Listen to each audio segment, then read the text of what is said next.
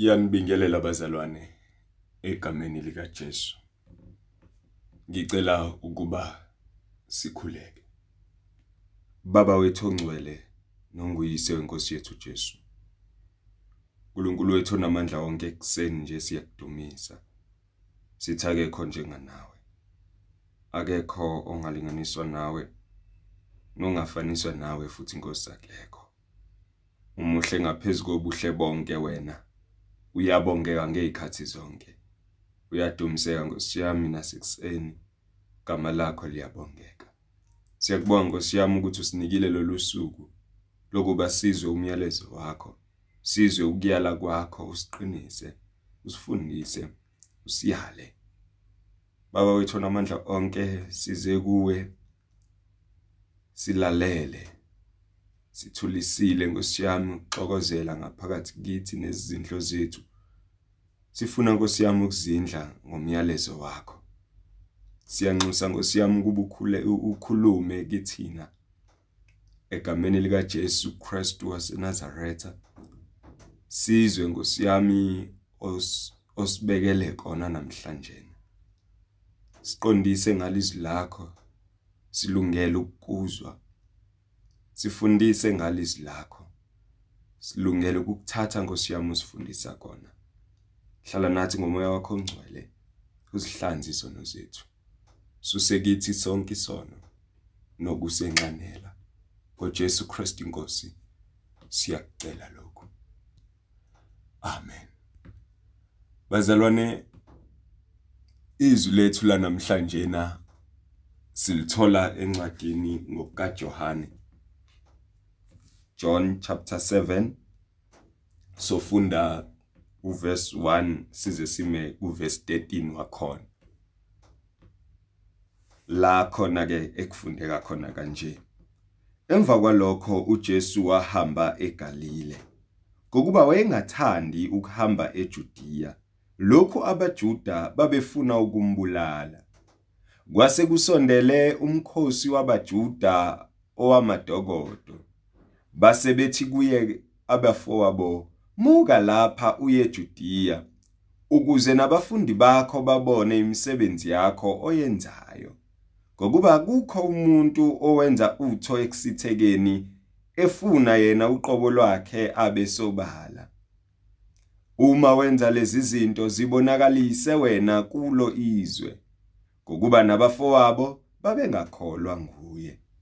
Ngakho ke uJesu wathi kubo isikhathi sami asikakafiki. Isikhathi senu silungile njalo. Izwe lingenizonda nina kepha mina liyangizonda. Ngokuba ngifakaza ngalo ukuthi imisebenzi yalo mibi. Yenyukani nina niye emkhosini. Mina ngenyukeli manje kulomkhosi ngokuba esami isikhathi asikapheleli. Eseshilo lokho kubo wahlala eGalile. Sebenyukele emkhosini abafowabo naye-ke wenyuka. Kungesobala kepha kungathi ngokungasese. Khona abaJuda bemfuna emkhosini bathi uphi yena na?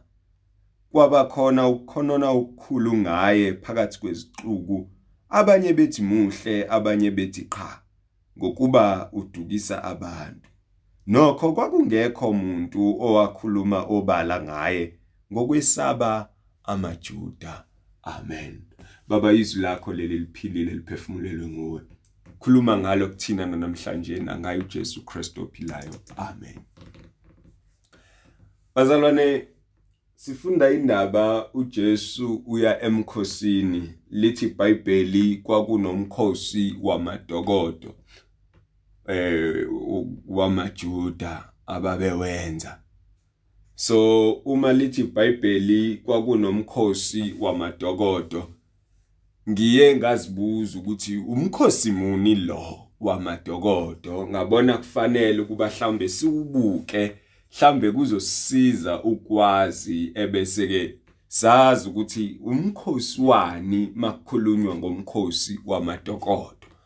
Uma ufunda lapha ku Leviticus chapter 23 from verse 33 kuya ku verse 44 wakhona uyathola lapho ukuthi uNkulunkulu uyabayala abantwana bakwaIsrayeli ukuthi bakwenze lokhu njalo ngenyanga yesikhombisa ukuba bakhumbule ukuthi ebakhipha ezweni lenhlupheko uNkulunkulu bahlala kuphi noma wabakhipha kanjani. So behamba ke behlala bakha amathente amadokodo eh isizulu esidala esisho indlu etemporal noma nje umkhukhwana eh temporal. Indlu nje oyibekayo ngaleso sikhathi uzophinde futhi uyisuse. Not kahle kahle uma besingaya ngesingisi it not a permanent structure idokodo.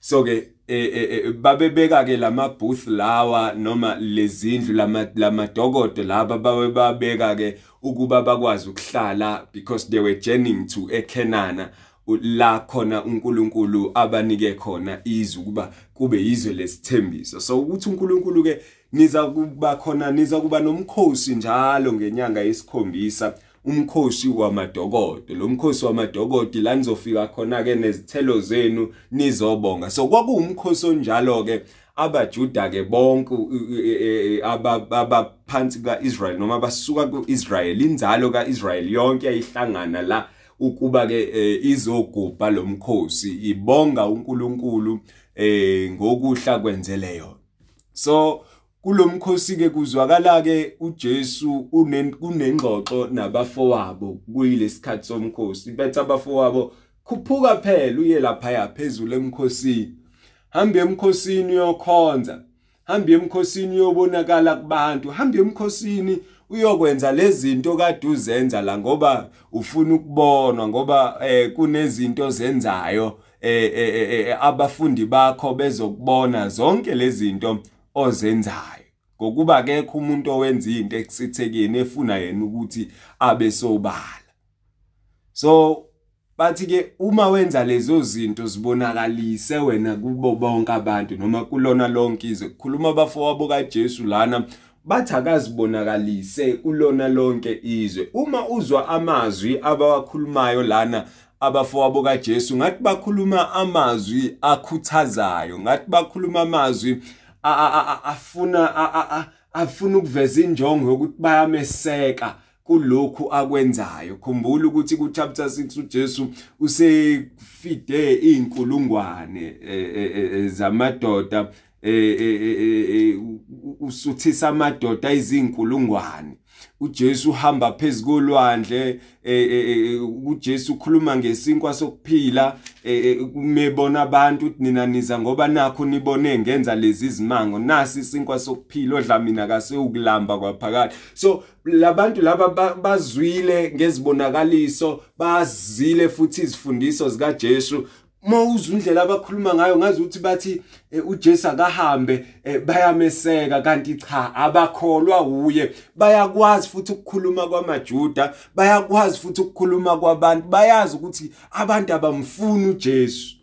Okuyindaba yethu esikhuluma ngayo kakhulu namhlanje ukuthi indaba izwe limzonda kangaka uJesu so abafowabo bahlangene nalizwe ngoba kulesi sikhathi abakholwa. Usho njalo uchapter uverse 5 uthi ngokuba nabafowabo babengakholwa uye bathi uma wenza zonke lezi zinto uma uhamba ngazo zonke lezibonakaliso hamba phela uye phezulu ufike uyozenza isihlangalaleni kubona bonke abantu. Hawo uJesu wayinabafowabo angani siyazi ukuthi uJesu wazalwa kanjani? Uthiwa wazalwa intombi uMaria eyayimiselwe ukugana eh uJoseph so manje unabafowabo ngabe nabafowabo kaJesu bazalwa njengoJesu nabo? Wavele wakhulelwa nje uMaria ukuze athole abafowabo kaJesu. Cha akunjalo. Kodwa yebo uJesu nabo abafowabo aka uMaria akatholanga uJesu kuphela kodwa unazo izingane benoJosefa. Yebo uJesu owecebo amthola nje njengalendlela ayala eyayala ngayo ingelosi mayifika kuMaria ithi uzokhulelwa uzalwe. Athi uMaria kuzokwenzeka kanjani lokho? Ngingamazi umuntu wesilisa yathi ingelosi umoya kaNkuluNkulu uzokusibekela. But uma ke sethola kabafowabo kaJesu wabathola ke ngentando yenyama. So yes kuyamanga ukuthi uJesu uMaria eh wazala uJesu kuphela uma kuwezwa leso sifundiso esinjalo cha amanga lawo. Kodwa iqiniso ukuthi babe khona abafowabo kaJesu uma ufunda kuMateyu chapter 13 verse 55 eh babalwe nangamagama. Bayasha abantu ukuthi hayibo akusiyeni uJesu lona indodana kaMbazi uJosefa noMaria akusiyeni lona siyamazi abafowabo oJuda siyamazi. So eh, uJesu ke wayenabo abafowabo ibona laba abakhulumayo lana bethi khuphuka uyozibonakalisa eh kubantu uma ngempela uzenza zonke lezi zinto. Ngoba ke babengakholwa uye sethi ke ngakho uJesu wathi kubo isikhathi sama sikafiki isikhathi senu silungile njalo. Izwe lingenizonde nina kepha mina liyangizonda ngokuba ngifakaza ngalo ukuthi imisebenzi yalo mibi. Indaba yami ke ilana ke bazalwane. Uthi uJesu isikhathi sama sikafiki isikhathi senu silungile njalo. Izwe lingeni zonde nina. Kepha mina liyangizonda ngokuba ngifakaza ngalo ukuthi imisebenzi yalo mimbi kungani abantu bezonda uJesu kangaka? Thwe uJohane ngelinye ilanga wafika kwabakhe abakhe abamazanga. Fika kwabakuba bambonanga bamxosha kunalokho bamdela bamsusa eduze kwabo bamamkelanga njenganenkosi. Uyafika kwabezizwe bathi hayo wamajuda lona. Nanamhlanje abantu basamphika bathi hayo wabelungu lona. Why abantu bemzonda kangaka uJesu? Ingoba ufakaza ukuthi imisebenzi yabo abantu imisebenzi yethu thina abantu mibi. Ngakho asiphenduke sisuke kulokubi. Manje abantu abawufuni lo myalezo abantu abayifuni leyo message ebatshelayo ukuthi baxabene noNkulunkulu ebatshelayo ukuthi indlela yabo isesonweni basebumnyameni abahambe bubukhanyeni. Abantu abafuna ukuzwa lokho abantu abafuna ukulalela ukuthi ene nina nidukile nina niyamzonda uNkulunkulu. Ngikhumbula mina njengamanje eh, eh, Heidelberg Catechism mayithi singakwenza yini konke lokhu na? Athi ophendulayo cha singekwenze ngoba ngemvelo yethu siyamzonda uNkulunkulu. Kokuba sazalelwe esonweni kokuba indlela yethu iphila isono indlela yethu ifuna isono kuhamba kwethu kufuna ukutusa isono nemisebenzi yaso. So ke abantu bahleli banathezekile esonweni. Abamfuni umuntu ozobatshela ngokulunga. Abamfuni umuntu ozibazomtshela ngoNkulunkulu ungizwe kahle. Abantu bayamthanda uNkulunkulu kodwa bamthanda uma bezomkhonza makusho kubona abantu bayamthanda uNkulunkulu uma uNkulunkulu ezoba yilento abayifunayo bona. Ingakho abantu benoNkulunkulu babo. So the only reason abantu bezonda uJesu it is because uJesu upresenta uNkulunkulu njengalokho enjalo. And ukhumbula ukuthi uJesu engumuntu uqobo futhi unguNkulunkulu la kulesimo. So ke uthi izwe lingenizonde nini ukhuluma nabafowabo. Uthi kepha mina liyangizonda ngokuba ngifakaza ngalo ukuthi imisebenzi yalo mibi. Kunabazalwana abathokozela ukuthi bathandwa yizwe. Kunabazalwana abathokozela ukuthi bathandwa abantu ngaphandle. Mhlawumbe babathandela imisebenzi noma imikhuba yabo. Babathandela izinto abazenza nabo. Abese kuba nohlobo labazalwane lingafunwa yizwe. Ngenxa yokuthi indlela abayiphila ngayo nendlela abaziphethe ngayo ayilithokozisi izwe. Iwusawoti esilondeni ezweni ngoba izwe liyazi ukuthi kumele ukuphenduka lifane nabo kodwa manje abafuni ukuphenduka. So bayabazonda ke labantu abaphendukile bababone ngathi bazenza ngcono. Bababone ngathi bayabahlulela mabetshela ngokuphila kahle. Why? Because izwe alifuni ukuphenduka. Khumbula umyalezo kaKristu umzalwane uthi phendukani ngokuba umbuso kaNkuluNkulu ususondele. So uma ke ethi uKristu abantu abaphenduke uthi abantu abashiya imkhuba yabo emibi uthi abantu abashiya ungcola kwabo abantu abashiye amanyala abo banamathele kuNkulunkulu. Kodwa abantu abakufuni lokho. That is why noma kumele akhuphuke ezeleni emkhosini uJesu engafuni ukukhuphuka nabafowabo. Ngoba vele abantu bafuna ukumbamba akafuni kwazeka ukufika kwakhe akafuni ukukumemezela ukufika kwakhe ngoba vele bafuna ukumbulala.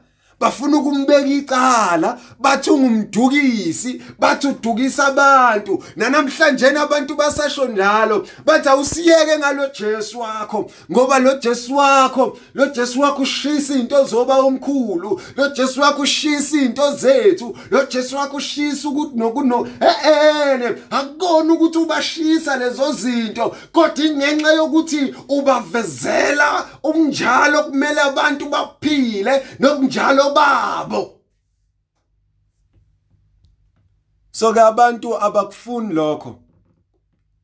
Bayifuni into ebavezela ukuthi basesonweni abayifuni into ebavezela ukuthi basebumnyameni. So ingakho bemzonda uJesu. Ngithanda uJesu mina mekhuluma nebandla. Ethi izwe lizokunizonda ngokuba nami langizonda. Aphinde athi umbhali wabaseRoma ningalingisi nina lelizwe. Sifanele ukuguqula indlela yokwenza kwethu bazalwane. Asifanele ukuhamba njengalelizwe. So uma ke indlela yethu iphikisana nalelizwe kusho ukuthi izwe liza kusizonda abantu abasezweni abazukusifuna ngoba siphethe lo Jesu abangamfuni. So ningakhathazeki ningadikibali nxa izwe linizonda. Uma abantu bekhuluma kabi ngani uma abantu benishiya ngenxa kaJesu uthi uJesu bangizonda ngakho nani maningi abafundi bami baza kunizonda. So ke ilesi sizathu abantu abamzondela sona uJesu. And leso sizathu sikapakela kithi njengamakholwa njengabantu ababambe lokukhanya phela uthe uJesu umzalwane akukhanye ukukhanya kwenu emlezweni noma emhlabeni. So uma ke kukhanya ukukhanya kwethu abantu bazozibona ukuthi basebumnyameni bese bacasuka ukuthi thina sibavezela ubumnyama babo. Kodwa singalicishi ilambu lethu ngenxa yokuthi abantu bayazonda ngenxa yokuthi abantu bazibona ubumnyama bethu. Kodwa sifanele ukukhuluma okuyiqiniso likaNkuluNkulu uma noma kukuhle noma kukubi kubantu. Sifanele ukuveza ubunjalo bukaNkuluNkulu. Uthe uJesu eh wothanda uNkulunkulu wakho. Ngayo yonke inhliziyo yakho nangawo wonke umphefumulo wakho nangayo yonke ingqondo yakho yilo umyalo oqala omkhulu. Aphinda athi futhi omunye ofana nawo wothanda umakhelwane wakho njengalokhu uyithanda wena. Kulo myalo kubaleleke yonke imithetho kanye nabaprofeti lokhu Jesu asifundise kona and lokho okulindeleke kithi uma ke nebala siyabantu abanjalo nathi izwe lizosizonda. Izwe ngeke lize lisifune ngoba sibambe okuyikona kona uNkulunkulu asinikeze kona. Lokhu singekwenze ngokwemvelo yethu ngoba siyamzonda uNkulunkulu kodwa lokhu singakwenza ngomoya kaNkulunkulu ophila kithi. uJesu ukuthi kubafowabo abanyukeke bona bayimkhosini lithe seshilo wathi ukuhlala eGalile sebenyukile abafowabo ke baye e, e, emkhosini naye wabuye wanyuka. Uthi emkhosini babemfuna abaJuda bebuza ukuthi uphi yena. And phakathi kwabantu kwakunabantu abaphikisanayo. Bakhona namhlanje nalabo bantu? Labo bantu labo abanye bathi uJesu ulungile. Labo bantu labo abanye bathi uJesu cha ungumdukisi. Namhlanje abakhona abambulelekile laba babazalwana abambulelekile bafise ngathi izwe lonke lingambona elungile. Bafise ngathi abantu bonke bengambona elungile namhlanje na bese kuthi laba bacindezelekile bathi labantu bagula labantu bayiphuphuthekisa nje balandelana noNkulunkulu wezizwe benabo uNkulunkulu. Kodwa khona lokho sokwenzekile kulaba sebembulelekile. Bamazi enjengoba enjalo and bambonile. Since ke bembonileke bamfuna. And bafise ngathi nabantu bonke bengamazi enjalo. Kodwa abantu bathi away with this Jesus. Njengalokhu babeshe bethelwa uthi kunalokho sikhululela uBarnaba. Lithi akekho waphumela obala wakhuluma wathi nebalo lungile ngoba babesaba abaJuda namhlanje nasinomyalelo othi uma ungiphika phambi kwabantu nami ngiyakuphika phambi kwababa. Mbani bazalwana sambeni siyofakaza ngalo Jesu. Sambeni siyofakaza ngaye ukuthi ukhona uyaphila. Indlela yensindiso ingaye. Indlela yokufika kubaba ingaye. Uyena kuphela. Ayikho enye indlela. Akukho kunye singekwazi ukufika kuNkulunkulu ngaphandle kaJesu Kristu. Nangu Jesu lo zondwa yizwe uyena esimfakazelayo. Izwe liyamzonda ngoba uphethe ukuphila. Izwe liyamzonda ngoba uvezela noma ufakaza ngobubi balo izwe and bahlezi comfortable esonweni. Asikhuleke. Babegameni lika Jesu Kristu waseNazaretha. Siyabonga Nkosi. Siyavezela siyabonga ukuthi usivezele ukukhanya. Siyabonga ukuthi usivezele kona uNkulunkulu wethu ongcwele ukuze sisuke ebumnyameni. Sinamathele kuwe. Singabi abantu bolaka singabi abantu bobumnyama kodwa sibe ngabasindiswa sibe ngabantu bensindiso babizile nobahlengile ngegama lakho. Egameni lika Jesu Nkosi yami siza kuwe ekseni sibonga ngensindiso ongako sinike yona. Sibonga Nkosi yami ngothando olungako sinike lona. Baba wethu namandla onke siyathandaza. Sikhulekela abangani bethu ihlobo zethu imindeni yethu. Kuba bakubone lokukhanya bakubone lokulunga bambone loKristu abamzondayo kangaka. Ize lonke lingamfuni kangaka ukuthi ulungile uyinkosi uphakeme uyaphila. Hlala nathi uNkulunkulu wethu ongcwele usingcwelise usilondoloze usivikele usenze kuba sigcina imiyalelo yakho ngaso sonke isikhathi. Silondoloze ngokukholwa ngaye uKristu Jesu kusukela lesikhathi kuze kube kuphakade. Amen. Musa wenkosi yethu Jesu uthando loNkulunkulu Baba Hlanganyelo kaMoya ongcwele makube nathi sonke kusigcine kusilondoloza azafika uJesu Christ inkosi yethu. Amen.